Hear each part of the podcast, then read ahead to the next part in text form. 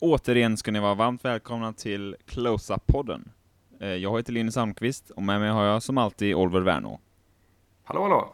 Hur är läget med dig? Det är bara bra. Eh, snart sommar. Eller det är väl sommar, men det är väl snart, eh, Snart sommarlov eller vad man ska säga. Precis. Eh, Det här är Close-Up-podden där vi varje vecka tar ett ämne inom filmens värld, vare sig det är en skådespelare, en regissör, en film eller filmserie, lägger det under luppen och diskuterar, analyserar och dissekerar. Vad ska vi prata om idag Oliver? Ja, den här eh, veckan ska vi göra lite annorlunda än vi, vad vi gjort eh, den senaste tiden. Vi ska nämligen ta en titt på eh, fem filmer som vi vill rekommendera egentligen till er som lyssnar på den här podden.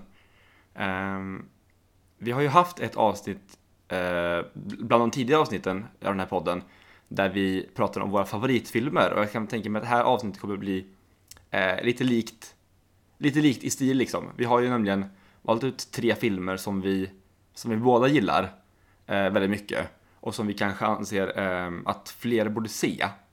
Eh, och sen så har vi även valt ut varsin, eh, vad ska man säga, hemlig film eller vad man ska kalla det. Som, eh, jag har valt en film som du inte vet vilken det är eh, och som jag vill rekommendera för dig och för lyssnarna liksom. Ehm, och det ska väl sägas kanske nu med en gång också att det här är väl kanske inte, det här är inte filmer som ehm, Alltså inte någon vet om att de finns, men det är väl mer att vi vill belysa kanske mindre kända filmer. Eh, och det är väl så här, filmer som är mindre kända för den allmänna publiken liksom. Ja, Eh. dels så är det ju det och dels så kan det ju också vara filmer nu, ska jag inte avslöja för mycket, men det kan ju vara filmer som kanske inte har fått kanske så jättegott rykte eller så god kritik liksom när, när de släpptes. Eh, Det kan, Nej, vara, det kan vara olika anledningar, bara fem filmer som en aning obskyra kanske, som vi känner att borde få mer uppmärksamhet helt enkelt, och som fler ögon borde ta en titt på. Precis. Det är väl så enkelt vi kan sammanfatta det va? Ja, precis. Och vi finns ju som vanligt på sociala medier. Vi heter Close Up Podcast på Instagram och Twitter. Eh, får man jättegärna gå in och följa oss och man kan också skriva till oss där om man har några frågor eller tips på eh, vad vi kan prata om för filmer eller om man vill eh, eh, rätta fel eller någonting.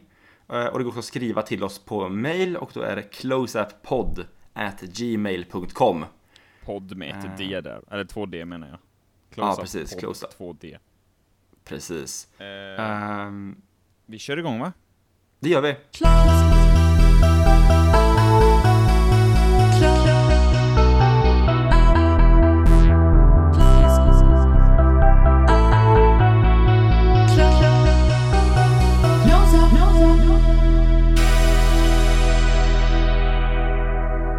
börja välja ut filmer till den här listan så var det en film som vi var enade om direkt skulle med och som vi skulle prata om.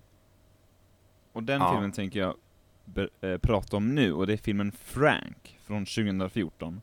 Vill du berätta lite mer om själva filmen Oliver? Ja, eh, Frank är ju vad man skulle kunna kalla, det är, alltså, det är, fram- det är framförallt en komedi, en dramakomedi liksom. Eh, med, eh, i, i, med musiktema kanske man skulle kunna säga. Eh, den är ju eh, regisserad av eh, Lenny Abrahamsson som senare regisserade den Oscarsnominerade filmen Room med Brie Larson och Jacob Tremblay. Som ju för övrigt är en fantastiskt bra film. Mm, ja, verkligen. Se den också. Den är inte, ja. rekommenderar vi inte idag, men se den ändå. Nej. Men som sagt, Frank är alltså en, en dramakomedi om ett, eh, om ett gäng musiker helt enkelt. Ehm, som, ehm, ja vad ska man säga, har lite problem med en väldigt excent- excent- excentrisk eh, front, frontman helt enkelt. Som heter Som spelas av, ja precis. Eh, och som ju spelas av eh, Michael Fassbender. Ja, alltså jag får lite sam- samma känsla som du när jag ska beskriva den här filmen, att det är oerhört svårt att sälja in den. Ja, Vilket där är kanske inte är bra att säga när de ska försöka sälja in den. Men huvudrollen i den här filmen spelas eh, av Donald Gleeson, som jag tror, Ja. det är en sån där skådespelare som alla kanske har sett och känner igen, men som man inte vet namnet på. Nej. Han spelar väl typ den äldsta Weasley-brorsan tror jag, Harry Potter. Spelar Ja. General Hux i eh, Star Wars The Force Awakens och The Last Jedi i de här nya filmerna. Och även liksom biroller i andra stora filmer de senaste åren som kanske The Revenant, Ex-Machina och så vidare och så Ja. vidare. Precis. Och eh, förutom då Michael Fassbender här i birollslistan så, eh, så, så hittar vi Maggie Gyllenhaal, Jake Gyllenhaals syster. Eh, som kanske främst är känd för The Dark Knight, de spelar Rachel. Eller hur? Ja, precis. Och eh, vi hittar även eh, Scoot McNairy som ju eh, kanske för en bred publik är mest känd för eh, att vara med i eh, Batman v Superman, men som jag först såg i filmen Monsters. Ja, just det. Som vi nämnde i förra podden, i och med att den är regisserad av Gareth Edwards som, har, som regisserade Rogue One. Ja, exakt. Vet du vilken första filmen jag såg Scoop McNairy i var? Nej? Eller är kanske? Non-Stop. Har du sett den? Nonstop, vilken är det? Det är med Liam Neeson. Han är någon sorts... Ja, det, jo, Vad heter den sån här Marshall va? Som är typ snut på flygplan. Ja, en sån Air Marshal, ja precis. Precis. Han har en liten roll i den. Eh, det är väl samma regissör som har regisserat den här, eh, som kom ut förra året. Eh, The Commuter, va?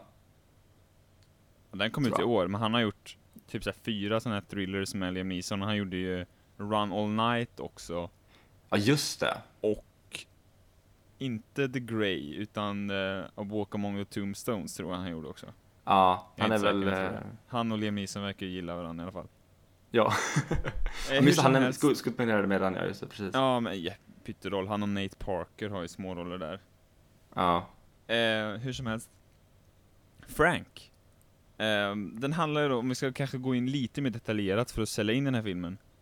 Så Ja. handlar den då eh, om eh, Donald Gleesons karriär, eller karriär, karaktär, som heter eh, John.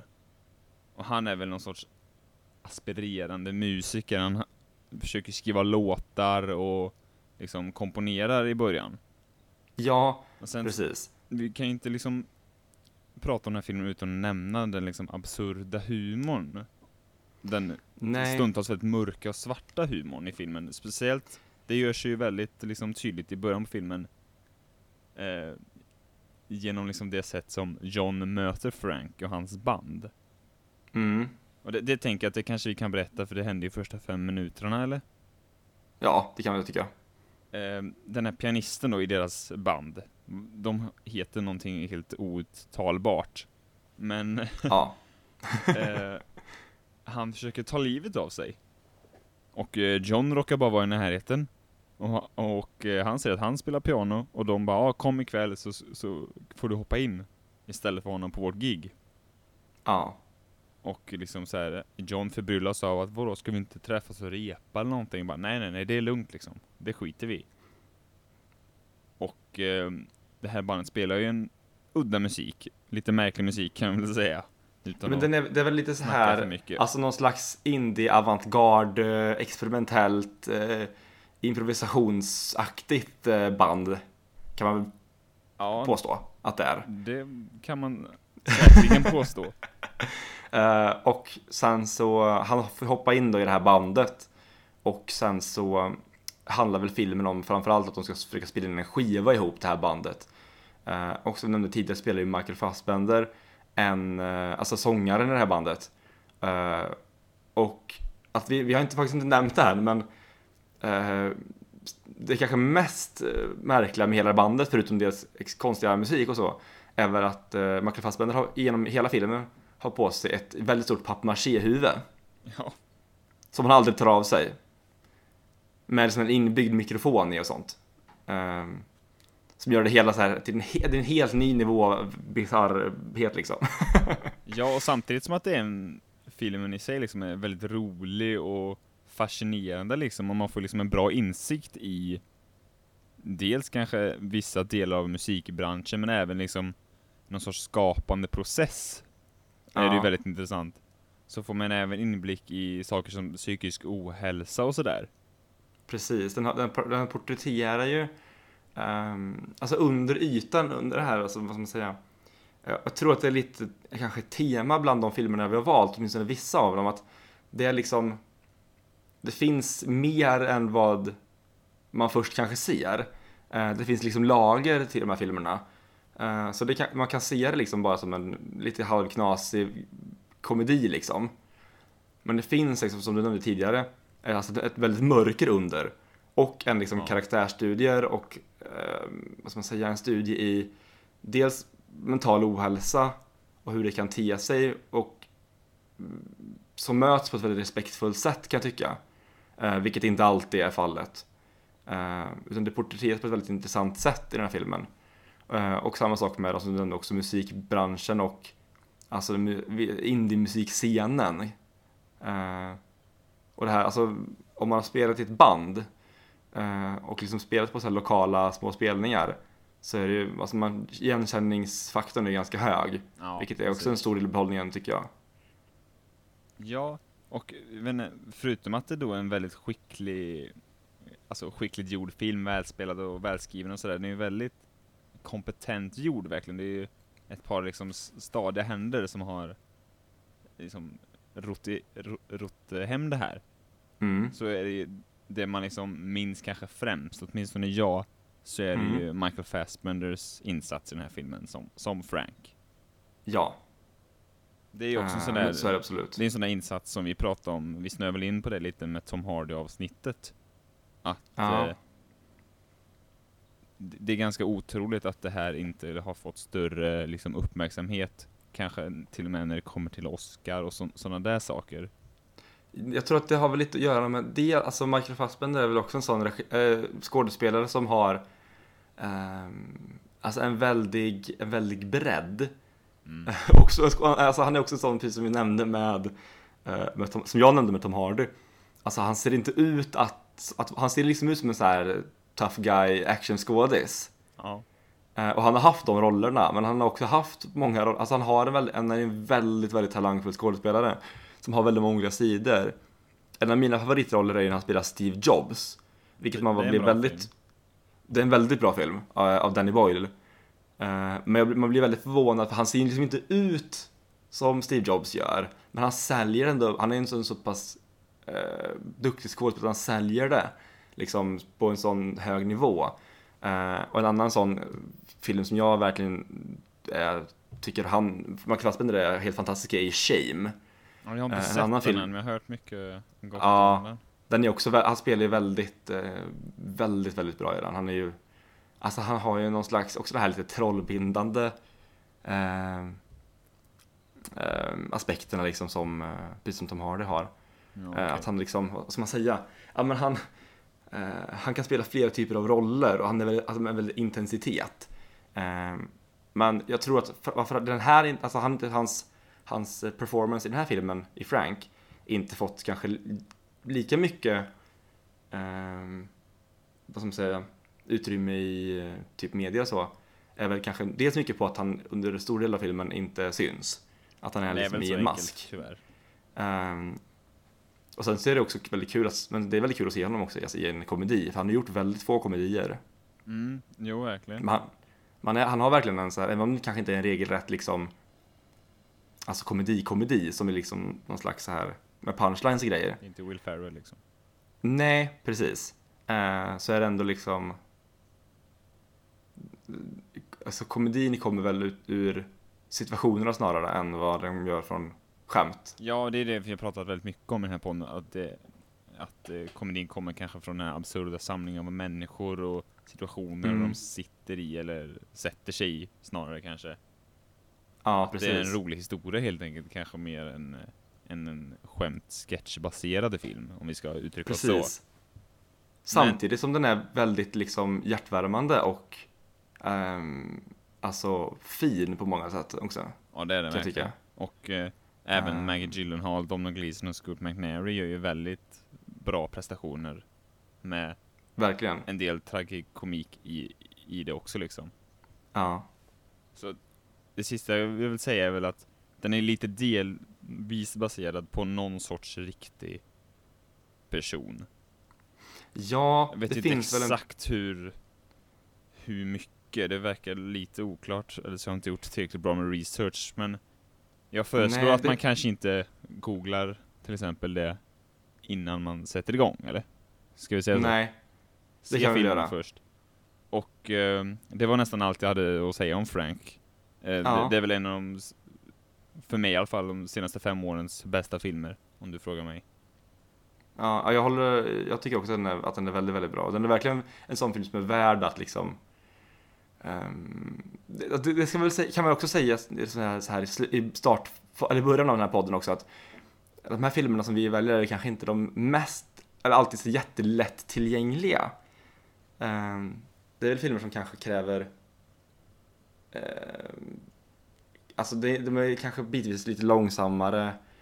um, det är liksom inga actionrullar framförallt. Det är inga stora Hollywoodproduktioner framförallt, man Nej, det är väl det. lite, eller slipper och slipper, det beror på vad man tycker. Men det här Hollywood-glimret finns inte riktigt i de här filmerna som vi pratar om just idag.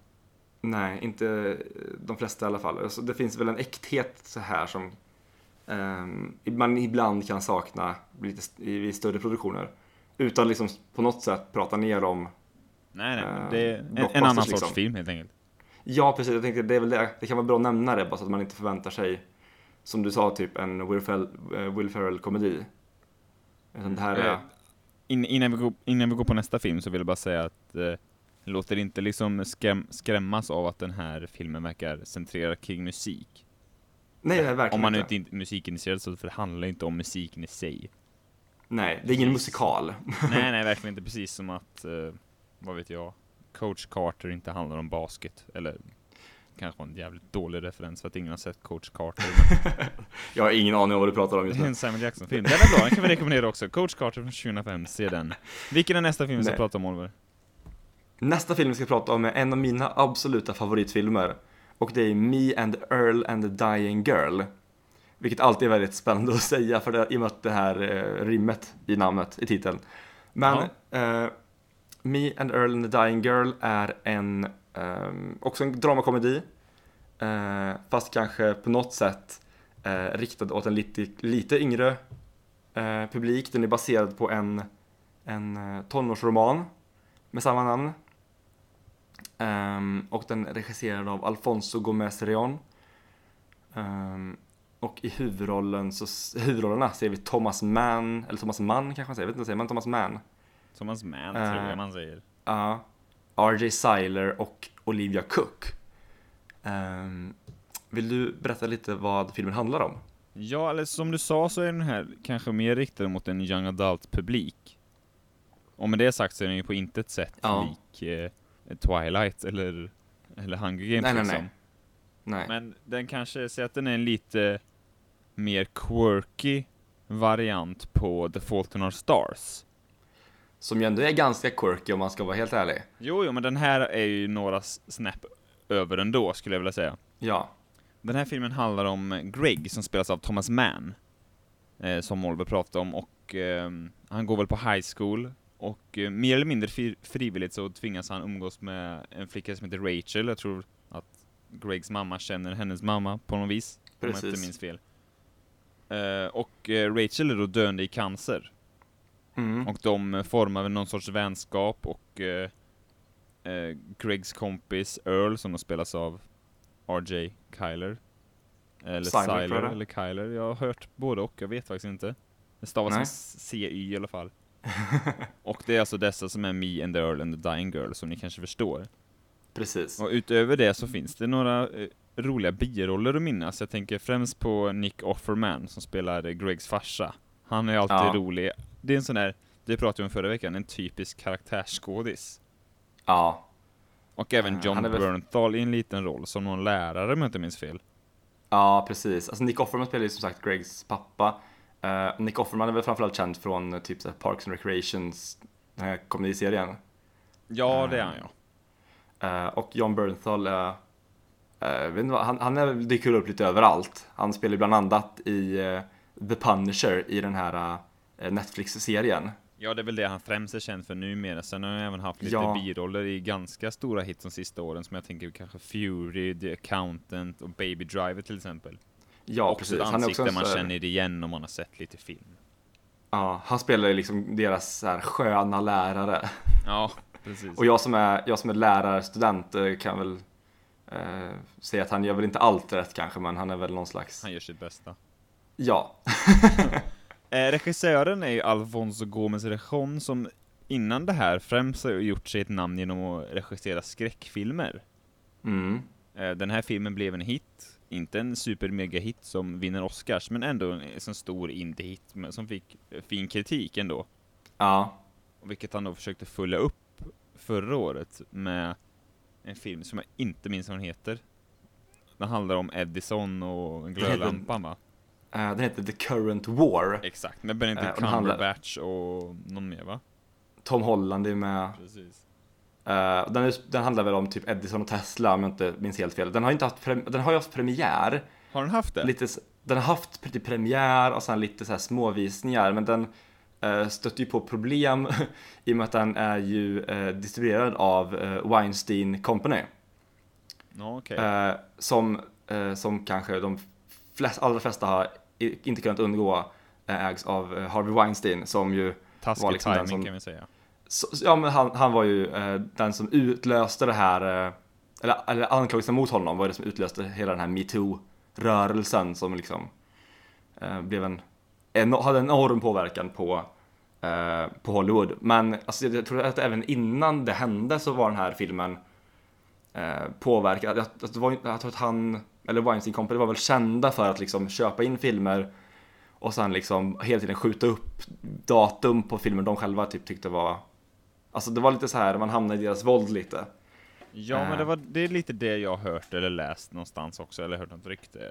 Det kanske Ja. du som har sagt det, men att filmen, den blev inte bra helt enkelt, så de visste inte vad, vi, vad ska vi göra? Ska vi släppa den bara? Ska vi vänta på en festival? Ska vi kanske jobba mer Ja. på den? Och sen Jag så, tror att den fick ha- ganska sen har jag svag att det rann ut lite i sanden liksom, med, i och med hela den här skandalen då som, som, som bröt ut. Ja, precis. Det har väl varit lite med de filmerna som låg liksom i, så här, i the pipeline för att släppas liksom. Från The Weinstein Company. Ehm, så jag vet faktiskt helt ärligt inte vad som är på gång med den filmen. Nej, jag har en känsla av eh, att den aldrig kommer få en liksom, stor release. Så. Nej, det kommer väl komma ut på, Det kommer väl komma ut på typ eh, Netflix eller typ iTunes och så här. Det, det känns Blu-ray som kanske. att det kommer åt det hållet. Ja, men som sagt, alltså eh, Alfonso Gomez Rion eh, har ju regisserat den här då, Me and Earl and Dying Girl. En annan person som jag vill nämna ändå i den, innan vi börjar prata om själva filmen i sig, eh, när man pratar om den tekniska aspekten. Eh, jag vet att när jag såg den här filmen första gången, eh, en av de första grejerna jag tänkte på var fan vad snyggt fotot är. Och, det, eh, och den är fotograferad av Chung Hoon Chung. Eh, som kanske inte säger någon någonting, men han är alltså en filmfotograf. Eh, och han, har ju framför, han är väl framförallt kanske känd inom filmvärlden som den som har filmat många av eh, eh, nu ska vi se, så att, eh, säger namnet fel Park. här. Ja, precis. Ehm, regissören till bland annat Old Boy, eh, sydkoreansk regissör. Eh, eh, och han har ju på senare tid regisser- eller filmat då eh, till exempel The Handmaiden så, och eh, Stoker också åt, eh, åt Park. Det kanske mest mainstream-film han gjort är väl It, skulle jag vilja säga. Ja, precis. Jag skulle komma till det. att, Alltså, han fick väl något slags västerländskt break förra året när han eh, var filmfotograf för It, eh, Stephen King-filmen.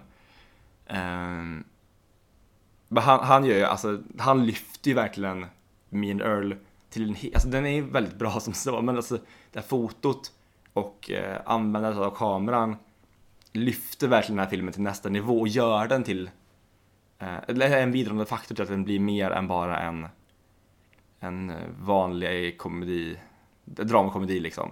Den kunde varit väldigt sett väldigt platt ut, vilket många sådana här filmer kanske ofta gör. Men det här, jag tycker fotot verkligen förtjänar att lyftas fram som en, eh, som en viktig del liksom. Ja, absolut. Är, Ehm. filmen är ju briljant tekniskt. Och Ja, även liksom, eh, jag tänker, det nu, scenografiskt och färger och hela den här biten. Är ju Ja, och jag säger väldigt även, fin. alltså, Det finns ju lite små, ibland, Wes Anderson-vibbar kan man få i den här filmen. Ja, precis. Kul att du nämner det, för jag skulle precis ta upp Wes Anderson, för det finns ju, som vi nämnde så är det ju Thomas Mann och R.J. Seiler, eller deras karaktärer, är ju bästa vänner, de är ju co-workers, så att säga. Eh, Ja, precis. eh, och de gör ju alltså små, de gör ju filmparodier ihop. Eh, och då får man lite sådana här korta montage med, av deras filmer och deras här filmomslag och sånt. Och då får man lite Wes Anderson-vibbar där. Och om ni inte vet vem Thomas Mann är så är väl han framförallt känd för att eh, spela huvudrollen i Project X. Vilket kan vara lite... Den hitfilmen. Den, alltså, det är väl kanske lite guilty pleasure, måste man väl erkänna. Men eh, du vet att du inte tycker samma sak, men det behöver vi inte prata om alls mer. Den är skräp. ja, det är den. Men eh, jag blir så glad av den. Eh, och R.J. Seiler har ju också se, efter den här filmen då spelat i Power Rangers bland annat. Han spelade i The Blue Ranger i Power Rangers som kom för två år sedan, förra året? Två år sedan? förra året. Det jag ville komma till också att den här filmen känns som att de här tre huvudkaraktärerna, eller de som spelar dem rättare sagt, alltså Ja. Ol- Oliver Cook, R.J. Seiler, eller Kyler, eller vad fan man nu säger, och Thomas Ja. Mann. Det Ja, verkar som att det här blev någon sorts plattform för dem, liksom mot nya nivåer, för att Thomas Mann har efter det liksom fått en stor roll i, i en Hollywoodproduktion som liksom Kong Skull Island hade en, och en av de större birollerna. Skulle du inte Ja. säga det? jo absolut. Och RJ Kyler då fick liksom Visst, filmen kanske inte blev den supersuccé som, som folk hoppades på, eller som man ville ha, men fick ändå en stor roll i någon stor satsning som Power Rangers. Ja, Och Olivia Cook spelade ju kanske den största birollen, eller näst största birollen, i Steven Spielbergs senaste film. eh, Ready Player One ja. Exakt, så det, det är roligt av den anledningen. Sen Ja. hoppas man ju att även den här regissören fortsätter skicka ut hits. Ja, men alltså jag, ser verkligen, jag såg verkligen fram emot The Current War. Ja, men. Ehm, och blev väldigt eh, deppig när jag alltså, insåg att den kanske inte var så bra som jag hade hoppats att den skulle vara. Nej. Men det, det återstår ju att se såklart.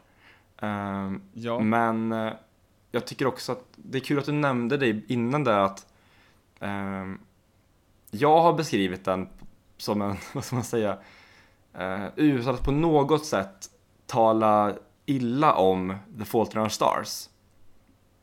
Eh, som är, det är en bra film liksom. Eh, och jag tror att det är oundvikligt att inte jämföra dem. Men för mig så är väl det här kanske en, eh, om man ska vara försiktig med orden, alltså en lite mognare, eh, lite seriösare, eh, ett lite seriösare take på den, alltså på, på eh, att vara vän med någon som är eh, sjuk, Jo, det är det. kanske. Det här är ju ett, ett jättebra tillfälle för dig att bevinga ett uttryck som du använder ofta, men jag vet inte om du använt det i podden än. Man skulle kunna säga att The Fault in Our Stars är lite runkigare än Me and Earl and Dying Girl. Ja, eh, och med det så vill jag bara försvara mig själv och säga att med det menar vi att eh, den är, alltså Fault in Our Stars är ju Fault in Our Stars är ju, eh, hur ska man uttrycka det på ett fint sätt? Ehm, den, är, den är lite, den bitvis överdramatisk. Den är lite Hollywoodifierad, eller hur? Ja, den... Den- Alltså, Den tar sig själv på kanske väldigt stort allvar, den är lite blödig. blödig är precis ehm, rätt ord. den, den lite så här så här eh, den, den liksom den känns bitvis för mig oäkta. Jag förstår vad du menar. Om jag ska Alltså, det- sammanfatta det den- kort så, Me and Earl går inte riktigt för, för tårarna lika mycket som The Fault Our Stars gör. Nej, även om de, Även om det är Utan- väldigt sorgligt såklart. ja, Men eh, The Fault att Stars dock- försöker, vilket den även lyckas med bitvis, för att vi båda tycker att det är en bra film. Ja, Men vi kanske bara föredrar att Min Earl är kanske lite subtilare och lite mer liksom tillbakadragen än The den är lite nyanserad också. Och sen så är väl framförallt en stor grej att typ Our Stars är väl framförallt en, en romans. Ja, det är ju en stor Mm. sak också. Medans Me and Earl är, som du säger, mer subtil, mer nyanserad Ehm, och kanske mer fokuserad på, på, alltså på relationen och eh, mellan de här, dels då eh, Thomas Mann och Oliver Cook men även R.J. Seiler. Alltså mellan de tre och alltså det här med att vara eh, vara vän med någon som är sjuk. Eh, lite så, att det, det, det är mindre fokus på någon slags tonårsfantasi om en romans. Eller hur så här. Det känns som att man är väldigt hård mot Fault in Our Stars, som den kanske inte förtjänar, men den här, den är väl... Den har ett annat fokus den här filmen, den här Den- har väl en coming of age-faktor också, som, eller en krydda av det, precis. som The Fault in Our Eh, Stars inte har. abs, precis. Det är väl lite, var- det är väl lite där det är att eh, den, den handlar om relationen och den här liksom, alltså emellanåt konstiga vänskapen som växer fram mellan de här tre personerna och de väldigt ofta konstiga grejerna de får för sig att göra ihop. Ja, Och den här har lite mer sjuk humor och kanske lite mer bitvis lite förbjuden och lite så här på inte på näsan humor, men jag vet inte hur jag ska förklara men lite, Nej, lite alltså ful humor, förbjuden humor kan jag väl säga. Och ja, den har ju en stor bit av det också, att det här är ju, även om den är liksom sorglig och, och dramatisk, så, är det här också en komedi. Lite på samma sätt som Frank är, att den har någon, en tragikomisk sida också. Det Ja, har inte precis. riktigt i Fault in Our Stars. nej. Nu måste vi fortsätta med jämförelsen. Men det ja, var det vi och alltså, försökte komma här- åt. Ja, precis. Och här måste man verkligen lyfta fram också manuset tycker jag. Eh, som jag faktiskt inte visste, men som jag eh, nu har läst till mig här medan vi har diskuterat. Ju är skrivet av Jesse Andrews, som också skrivit boken filmen är baserad Precis. på. Det är häftigt. Eh, ja, och alltså verkligen, det kanske kan vara en del i varför eh, den känns naturlig, är väl att eh, han har, eh, jag vet inte säga, eh, Han vet vad han håller på med. adaptera, adaptera sin egen bok liksom. Eh, men att det finns verkligen en, en balans mellan, som du säger, alltså komedi, seriositet, drama. ehm, och det finns liksom en, du nämnde det tidigare, en quirkiness, en slags, utan att det blir liksom över, överspel. Mm. Att det finns ändå liksom någon slags, det är grundat i någon slags verklighet som är trovärdig liksom.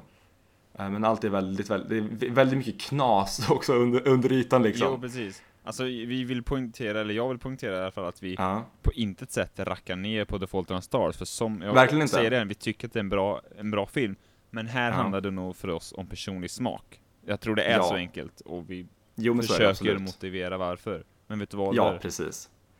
Fan precis. vad tiden Eh, går. Ja, vi ska Vilken väl gå vidare film? till nästa film som vi ska prata om.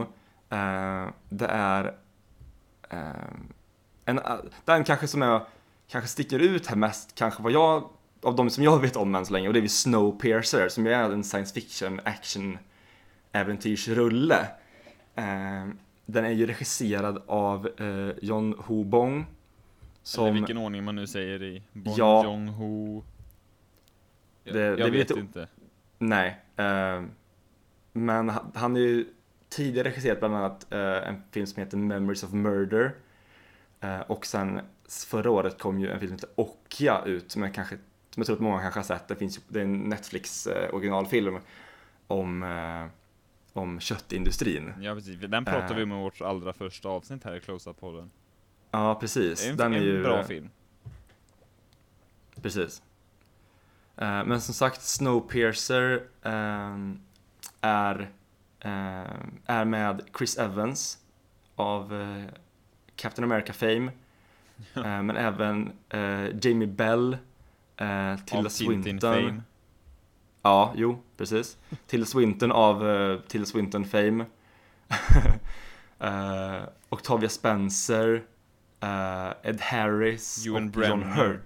John Hurt också, Ja, får verkligen inte glömma. som ni hör, en fantastisk, eh, fantastisk rollista, även Kang Ho Song, som är också en sån där asiatisk skådespelare som dyker upp emellanåt i stora amerikanska produktioner.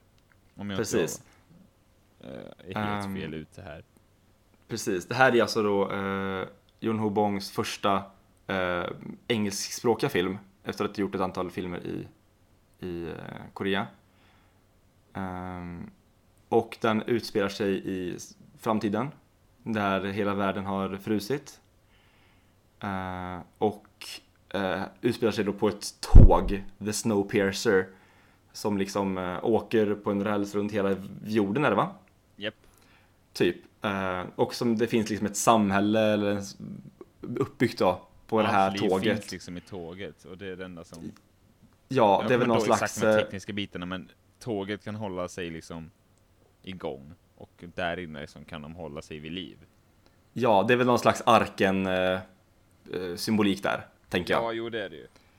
Eh, och eh, på den här vagn, eller på, i de här vagnarna så finns det någon slags hierarki då mellan de som är längst fram i tåget har det bra och de som har det längst bak har det väldigt, väldigt dåligt. Och sen finns det någon slags eh, tågmilitär eh, översedd av eh, Tilda Swintons karaktär. Det är väl egentligen allt som finns att säga om själva handlingen tänker jag, eller vad, vad säger Ja, du? alltså och det filmen sen till slut handlar om är ju att de som, jag vet inte om det är absolut, absolut sista vagnen, kommer jag inte ihåg. Men de är längre bak i alla fall och gör uppror. Ja, Och det, De- det här de- upproret leds ju av Chris Evans. precis. Och Chris Evans är den Ehm. första jag vill liksom eh, ge stor, stor cred i den här filmen, för här visar han verkligen prov på att han är mycket, mycket mer än bara Captain America. Han, han förs- Ja. jag, jag glömmer bort att det är Captain America liksom i den här filmen, och då är det ändå en, en relativt actionorienterad roll han gör. Man tänker snarare på, på Human Torch. Ja, jag, tänker på Scott Nej. Pilgrim vs. The World och skate-tävlingen. Ja, nej okej. Eh, men precis, alltså han, han visar verkligen, eh, alltså verkligen sin, sin talang här som skådespelare. Ja, och det är något som Äh. överlag är starkt i filmen. Även Jamie Bell och Tilda Swinton är ju urbra. Den här Tilda Swinton är ju galet bra. Ja, Och John Hurt är ju alltid välkommen i, i så här små biroller. Han måste vara så här birolls... Alltså mästare.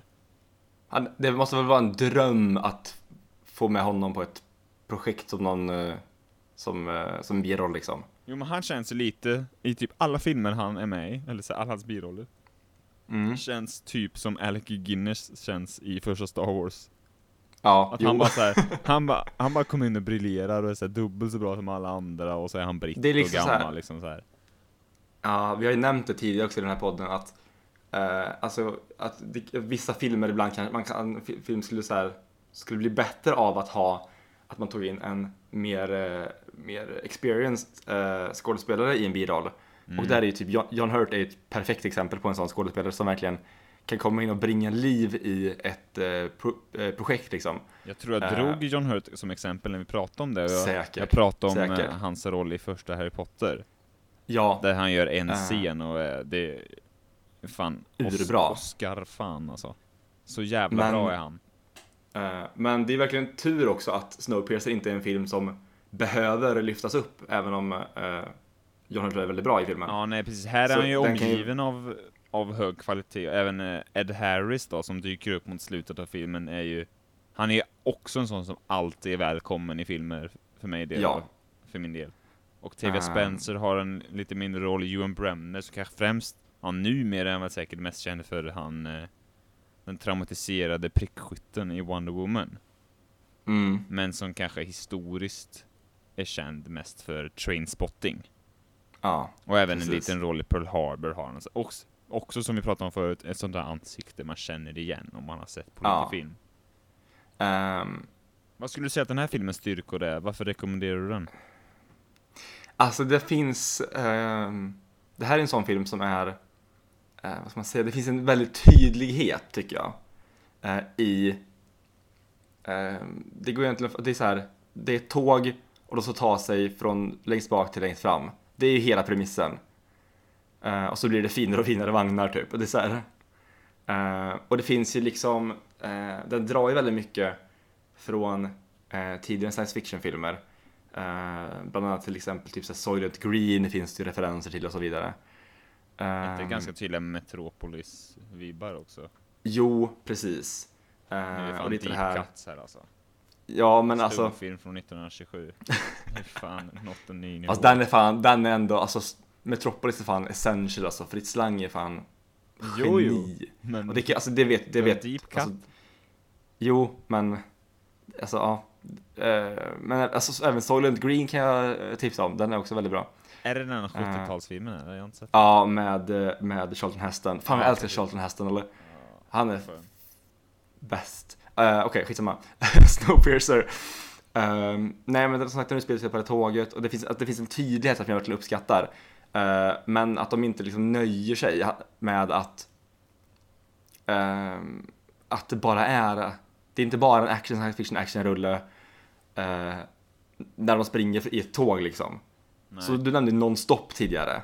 Eh, och jag, då nämnde jag Commuter, men Liam Neeson han sitter på ett tåg Nej, och ska lösa ett, ett eh, mysterium liksom. Det hade väldigt lätt kunnat vara en, utan att snacka skit om Liam Neeson, men han har en tendens på senare år att liksom välja väldigt, väldigt eh, platta actionrullar. Det har väl blivit Eh, och det, hade, det här kunde ju liksom varit en, om man förklarar vad det handlar om, det kunde varit liksom en väldigt platt actionrulle. Men istället finns det väldigt, väldigt mycket karaktär eh, hos, eh, hos de här personerna på det tåget. Det finns väldigt mycket eh, hjärta och eh, alltså man förstår motivationen. Eh, den förmedlas väldigt bra. Eh, och man kanske, alltså det, det är ju tydligt liksom, det är inte subtilt kanske på så sätt.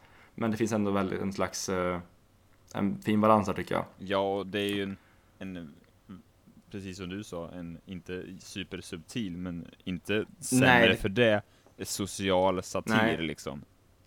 Nej Och- precis, den är väldigt, alltså som vi om det typ arken, grejen och så klassystemet i det här tåget. Det är väl, Precis. och så här eh, miljö, eh, miljö, vad man säga, global uppvärmningsaspekten. Så det är väldigt eh, icke-subtila, eh, mycket, mycket icke-subtil symbolik. Men jag tycker inte att det är Eh. något som stör på något sätt, vill jag understryka. Utan Nej. Det är bara liksom det det är på något sätt, och det funkar, och man köper det direkt. För ja, att det, är liksom, eh, det är ju så uppenbart i världen där de är också. Det är precis som att Mad Max Fury Road är ju lite samma sak. ja. Men det är ju så det är, och det går liksom inte att komma runt det. Eller om du förstår Nej. menar? Det är ju vitalt. Nej men precis. Det finns, den här, det finns en symbolik som är väldigt tydlig men som jag personligen verkligen inte tycker stör på något sätt. För att liksom, eh, manuset är så, så starkt ändå, karaktärerna och eh, liksom och även actionsekvenserna är väldigt imponerande tycker jag. Ja, jag tänkte säga det, en, av filmens styrkor, innan jag kommer in på actionsekvenserna så vill jag prata om eh, eh, jag, vill, jag vill prata om alltså designen. Ja. Och de här olika vagnarna, hur det ser ut och så här förmåner och hur de, de liksom eh, hö- högst upp i näringskedjan, det vill säga längst fram i tåget, hur de har det i jämförelse, kontrasterna och hur de här människorna som har levt längst bak i tåget reagerar när de kommer fram i tåget. Ja. Det, det är en jävligt smart film och den är fruktansvärt bra och actionscenerna när de kommer då håller de fan inte igen på någonting. Det är, det är blodigt, det är våldsamt, det är stundtals är det vidrigt. Det är Ja. en eh, så realistisk film det går liksom i, i, ur den synpunkten också. ja. Så för mig verkligen. är det på något sätt någon film som verkligen, som verkligen har hela paketet och har ett budskap liksom, som den kör hela vägen. ja. Och dessutom så är den gripande emellanåt, det är bra karaktärsbygg, bra struktur. Det liksom känns inte enformigt trots att det är liksom mycket av samma tekniskt sett.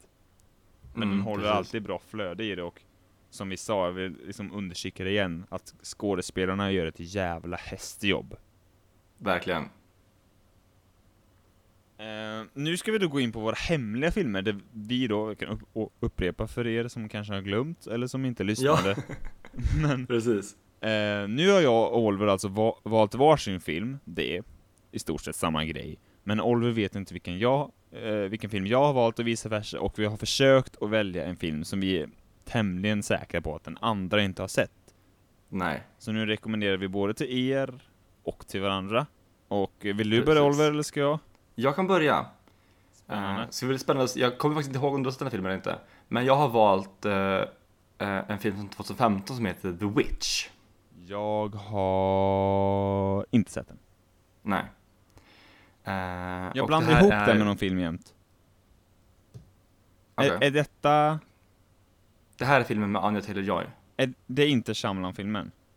Nej. Vad heter det är Shyamalan-filmen då? Visit. The Visit. Jag blandar ihop de filmerna jämt. Jag har inte sett någon Ja. av dem, men jag blandar ihop dem. Eh, och The Witch eh, med undertiteln A New England Folk Tale. Va? Den har jag Är- aldrig hört. Eh, Heter den så? Ja, The. Witch, A New England Folktale. Uh, det här är alltså en skräckfilm eh, som utspelar sig på 1600-talet i eh, Amerika. Eh, där det är en familj som blir eh, bannlysta från sin eh, eh, by på grund av eh, att de har en, en väldigt avvikande tolkning av bibeln. De är väldigt, väldigt religiösa. Ehm, så de blir eh, avvisade från eh, byn där de bor och så flyttar de ut, ut i skogen och bygger där en liten, en liten väldigt enkel bondgård. Um, och väldigt fort så märker man att det är någonting som eh, inte står rätt till. Det finns en oerhört eh, läskig eller skrämmande atmosfär redan från början. Um, och ehm, den här familjen består av eh, en mamma och pappa och eh, eh, de är fem små barn, eller fem barn. Eh, där den äldsta eh, dottern spelas av Anja, eller Anja Taylor-Joy. Eh, som ju har blivit på något sätt eh, nya favoriten i eh, skräckfilmsgenren liksom de senaste tre åren. Ja, säga. Hon, hon här, det här var hennes första eh, långfilm eh, som hon har alltså credit för. Jaha. Eh, och hon har efter det varit med i Morgan som inte fick så bra kritik. Men sen spelar hon ju också huvudrollen i eh, Split eh, mot, mot James McAvoy. En film som delar Close-Up-podden i två läger, kan vi tillägga. Precis, jag älskar ju den filmen. Ja, ja, Eh, och jag är ett väldigt stort fan av M. Night Shyamalan också. ja. Hon har också varit med i till exempel Thoroughbreds och Marrowbone. Ehm, så hon har ju blivit lite en sån eh, favorit bland skräckfilmsregissörer. Hon är het hon gör- ska vi säga. Verkligen. Eh, vilket är väldigt, väldigt välförtjänt. Hon är fantastisk i The Witch. Eh, och pappan spelas av, jag tror att man uttalar det Ralph Ineson, eller Ineson. Eh, och han är också en sån här skådespelare som man verkligen känner, som man känner igen. Han har varit med i Harry Potter, han har varit med i Star Wars, som liksom, och Guardians of the Galaxy, som små roller i bakgrunden liksom. Det som slår en först när man ser den här med ser The Witch, är att han har, alltså jag tror att han måste ha den djupaste rösten i hela Hollywood. Eh, Alltså? när, när ni har lyssnat klart på den här podden, eller pausa för all del, uh, youtuba trailern till The Witch från 2015. Alltså hans röst är så djup att det bara skakar i bas, bas, så här bashögtalare. Det är helt sjukt är det. Eh, men som sagt, de är en väldigt religiös familj. Eh, och en av de första saker som händer när de flyttat ut till den här bondgården är att eh, den yngsta pojken, spädbarnet, eh, försvinner. Jaha. Och eh, för dottern då, Anya Taylor-Joy, hennes karaktär leker, eh, vet henne håller för ansiktet och typ Här är jag, vart är jag någonstans, här är jag Peekaboo. Ja, precis, peekaboo, precis eh, Med pojken och helt plötsligt när hon då tittar, ni- så hon håller för ögonen och tittar upp Så är han bara borta bara och ser man att det prasslar bort i skogen. Eh, och vi tittare får då se att det är en eh, häxa som har tagit pojken men karaktären i filmen vet inte om det. Eh, och så den... Jag ska inte säga någonting mer om det men det blir någon slags eh, häxhysteri på den här bondgården då. Eh. Det låter som att folk kommer misstänka Anya Taylor-Joy för att vara häxan. Ja, precis. Eh, Det här är en Det sån här finns- film som jag har hört mycket om sedan den kom för, ja, eh, det är väl tre år sedan nu, ganska precis va? ja, Det är väl precis. ord och begrepp som indie darling och sådär har ju nämnts kring den här filmen sedan den kom ut. Ja, Och det här är ju en, en, en sån film som för egen del då inte, som jag inte direkt blir såld på bara av att höra premissen. nej, För jag är ju generellt inte ett jättestort eh, skräckfan. nej. Och det är ju inte jag heller. Men så därför jag tycker det är väldigt intressant att jag tycker om den här filmen så himla mycket. Men det är just för att eh, den är... eh, den är, den är, den är, det, är det här är en skräckfilm för... eh, För smarta människor som du. det, nej, det är inte, inte det jag skulle säga säga. Nej, jag skulle säga för, film, för filmälskare, skulle jag säga. Ja, visst. Ehm, den är inte smart på något sätt, egentligen. Den, men den är väldigt, väldigt välgjord. Eh, och den är väldigt... ehm, vad ska man säga? Men den är väldigt, väldigt välfilmad. Uh, och väldigt snyggt gjord. Eh, Och den är liksom, den är... alltså, dialogen är, är ju på alltså gammal amerikanska liksom. Eh, som man pratade på 1600-talet. Ja, spännande. Eh, vilket gör att, ja men vilket gör att det finns en, man märker att, alltså, det lägger så mycket, mycket, mycket, de har så mycket kraft på att göra en, det är mer typ en period piece egentligen, Mm. än, alltså i skräckfilmskläder typ.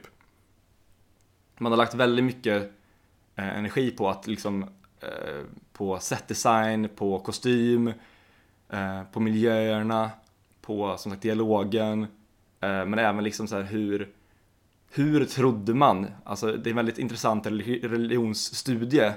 Även historia då Ehm. kan jag tänka mig, eller? Ja, precis, att det finns liksom, de aspekterna är väldigt, väger in väldigt mycket. Ja, okej. Eh, det fick ju väldigt, alltså om man kollar på Rotten Tomatoes som inte på något sätt är liksom en, eh, någon sanning liksom, eh, övergripande. Eh, Någon sorts finns det ändå- sanning är det ju ändå. Ja, och den har ändå liksom så här väldigt, väldigt högt kritiker eh, score. Mm. Men ja. den är rotten på publikmätaren liksom. ja. Eh, och det är väl generellt så med skräckfilmer. Att folk hör att ah, det är en skräckfilm och så tror de att alla filmer är The Conjuring liksom. Att det bara är jump scares. Eh, och, alltså att det är en popcornskräckis liksom. Så fort det inte är en popcornskräck så man är rädd hela tiden så är det inte bra. Det är samma sak som folk sa med It. Att så här, den är för rolig för att vara en skräckfilm. Ja, men det är inte riktigt det som skräckgenren är kan jag tycka. Jag som inte är ett fan av jump scares och så. Inte eh, den här filmen- Eller vadå? Jag är inte så stor fan av liksom som här, ja men typ Conjuring och Nej, nej, men sa Alltså, du att It inte var en skräckfilm? Jo, nej, men det, det är ju det. Men det är en inte den typen av, Ja, jag tyckte det Ja, var precis, men det är inte den typen av- alltså, eh, det är inte, Det är inte det var grudge just- liksom att käka popcorn Nej, när man är 13 alltså, det är inte år det som skräckfilm- kompis. skräckfilm betyder inte automatiskt en i sak. Utan Nej, det, är en, det, är en bred, det är en bred genre, alltså där Det är som alla genrer egentligen, att det kan se ut lite hur Precis. som helst.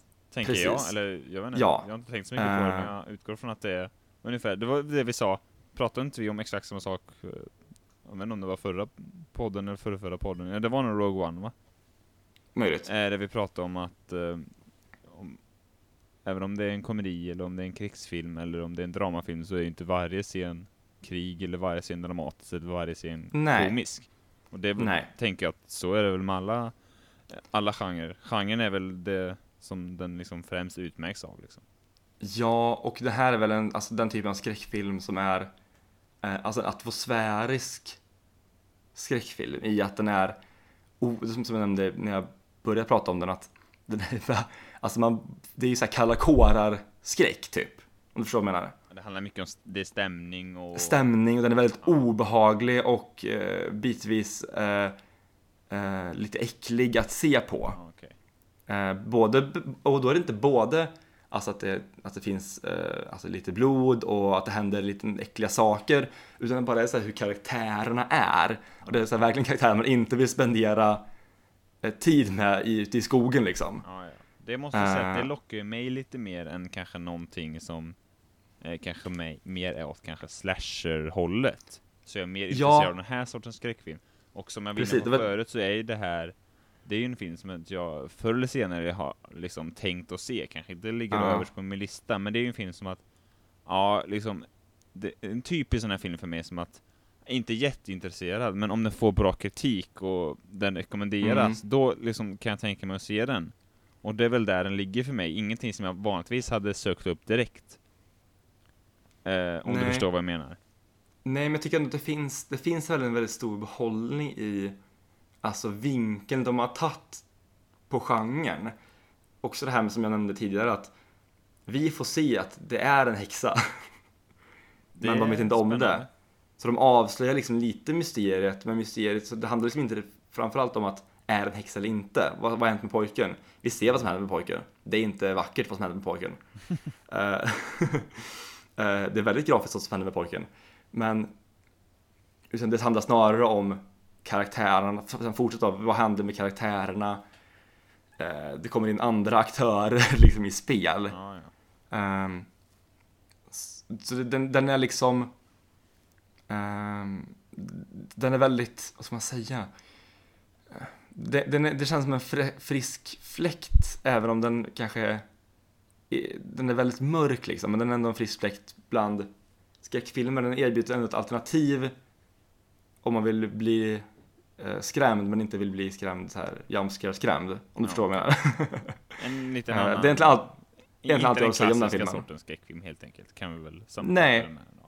Alltså nu ska man kanske inte dra någon jätteparallell utöver det men om du tänker typ The Shining. Ja, ja, jag fattar. Alltså den med stämningen, kanske känsla Ja, av precis. klaustrofobi som kanske The Shining har mer. Det vet jag inte om The Witch har, som jag inte har sett den.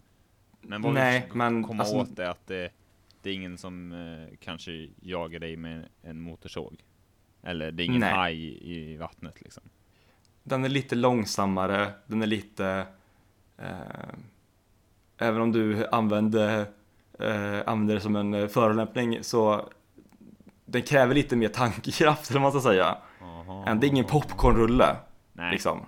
det är väl inga av de filmer vi har rekommenderat hittills direkt, skulle du väl säga. Nej, Me and the Earl är väl Eh, kanske den som men- är, eller Snowpiercer är kanske den som är mest mainstream, skulle jag vilja påstå. Men... ja. Lättillgänglig kan man också använda som uttryck, tänker jag. Ja, innan vi nu lämnar The Witch så har jag liksom en brinnande fråga här. Ja. Finns det en scen i den här filmen där de Ja. försöker avgöra huruvida hon är en häxa eller inte, som på något vis påminner om scenen i Monty Python and the Holy Grail? Åh gud, det var jättelänge sedan jag såg den filmen. Okej, då har du en rekomma- rekommendation där att se om till nästa vecka. Jag har sett, jag har sett den flera gånger men det var väldigt länge så jag kommer inte ihåg någon äh. Ja, Okej, ni som eh, lyssnar och vet vad jag pratar om, Ja, ni håller med mig. ber om ursäkt för En det. bra scen. Eh, Okej, då är det då inne tiden eh, tickar som vanligt när vi håller på med det här tycker jag.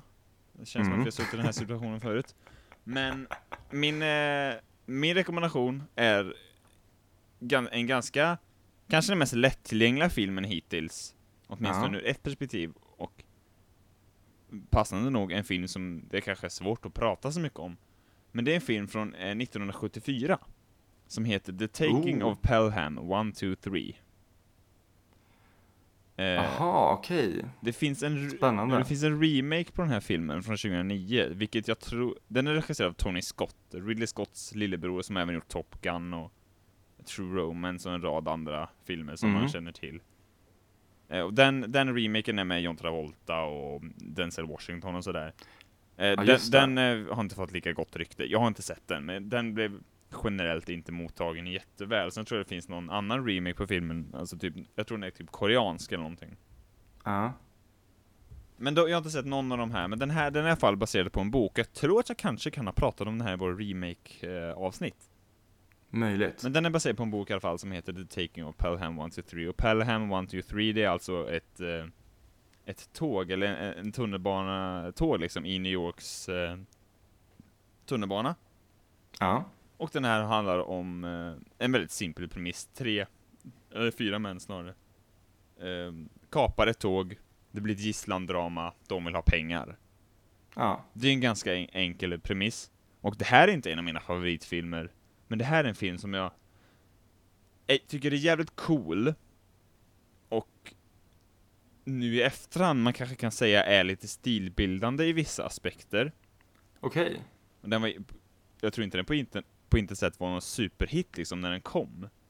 Nej. Men den kanske främst är ihågkommen för, för en modern publik, eller varför den får uppmärksamhet och varför jag hittar den för första början är ju för att huvudrollen, alltså den här eh, huvudskurken, spelas av Robert Ja. Shaw, Ja, okej. som spelar Quint i Hajen. Ah, okej. Ja, och precis. han då som ska ta fast honom, det blir någon, här, det blir någon sorts duell mellan de här två då, Eh, är ju eh, Walter Matthau. Okej. Så de här två liksom toppskådespelarna leder ju den här, eh, den här filmen. Mm. Jag vet inte, det är svårt att prata om den, men dels så kan man ju är det ju en populär bok då, för det har gjort flera remakes, eller flera versioner på den. Ja. Men något som slår kanske de flesta fans eh, av Tarantino om de ser den här filmen, att Tarantino har snott en del från den här filmen. Jaha, De okej. här rånarna, de kallar sig för Mr Blue, Mr Green, Mr Grey och Mr Brown. Som för de som inte vet är ju en, eh, en eh, ä- även för, är samma sak i eh, eh, Reservoir Dogs. Ja, precis. Så det har ju Tarantino snott. Och utöver det så vet jag inte eller, anledningen till att jag vill rekommendera den här filmen är för att det här är en film som ingen kommer se. Jag tror ingen av er har hört talas om den här, om ni inte har sett den 2009-versionen med John Travolta.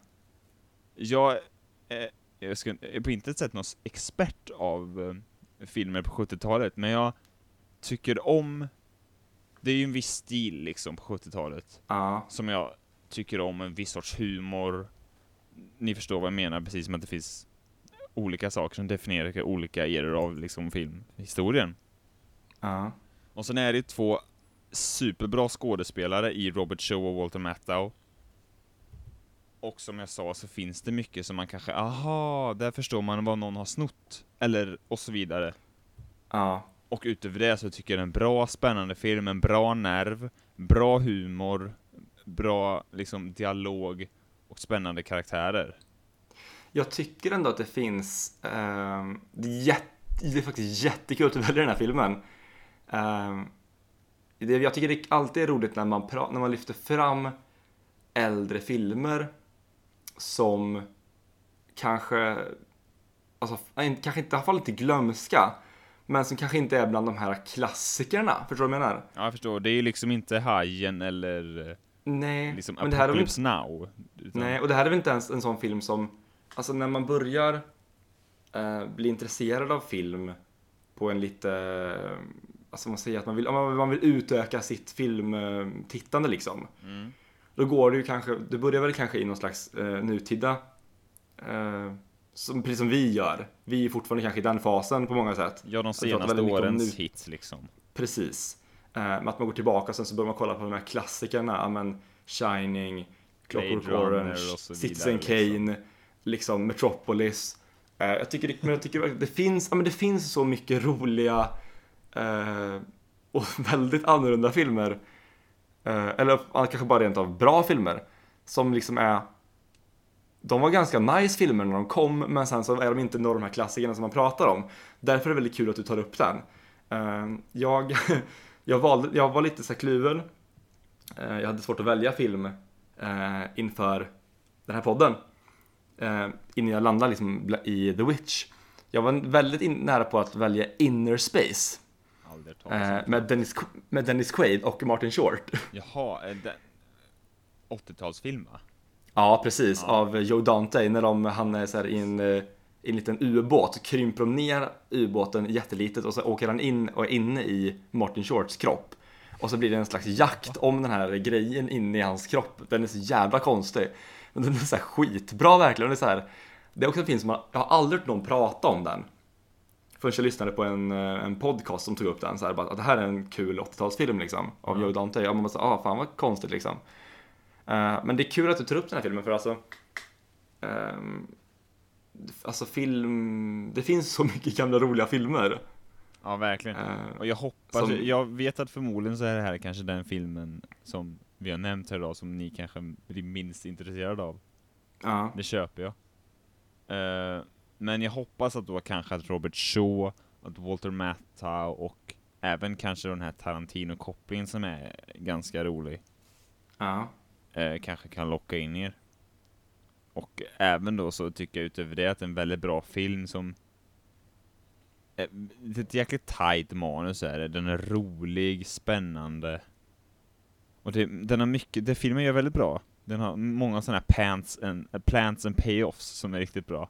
Ja okej. Och sånt kul och det bra skrivet och roliga karaktärer. Nej, det är svårt att, svårt att liksom berätta för mycket utan att avslöja någonting. Men Bara kan all around rekommendera en bra den. rulle. Ja men precis, en allround bra rulle. Spännande, bra nerv som jag sa, bra tempo. En- cool film liksom med så här en gubbar i någon cool jacka och hatt, ni vet det, så här lös mustasch liksom. Ja, Det, det är den är riktigt charmig på det sättet. Så att jag rekommenderar den verkligen. ja. Men kul. Det är ju passande Eh. då att vi pratar om Robert Shaw.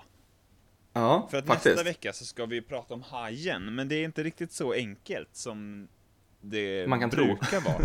Utan vi har, ehm, vi har planerat och filurat på det här att vi ska nu då i fem veckor framöver, det vill säga från och med nästa söndag, eh, inte sant?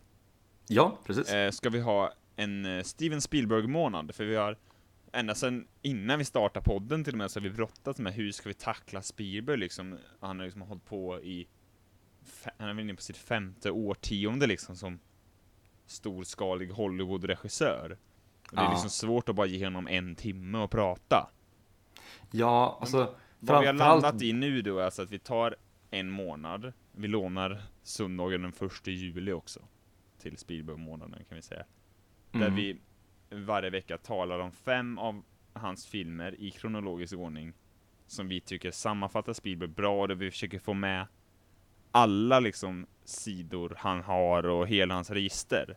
Och den vi tänker Precis. börja med då är Hajen. Från 75. Ja. Ehm, där ju Robert Shaw spelar en av eh, karaktärerna. Jaha. Han spelar Ehm. karaktären, skulle jag vilja säga. Karaktär.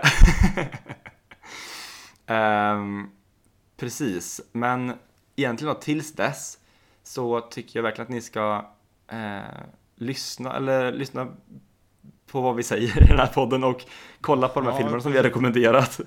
Om, om ni ser Eh. dem, skriv gärna till oss vad, vad vi tyckte, eller vad ni tyckte.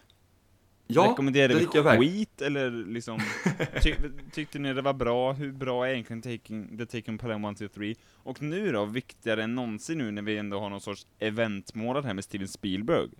Skriv Mm. in, vad tycker ni? Vilka är era favoritfilmer? Vilken film kanske vill ni att vi pratar om? Det är inte helt bestämt, Hajen är bestämt.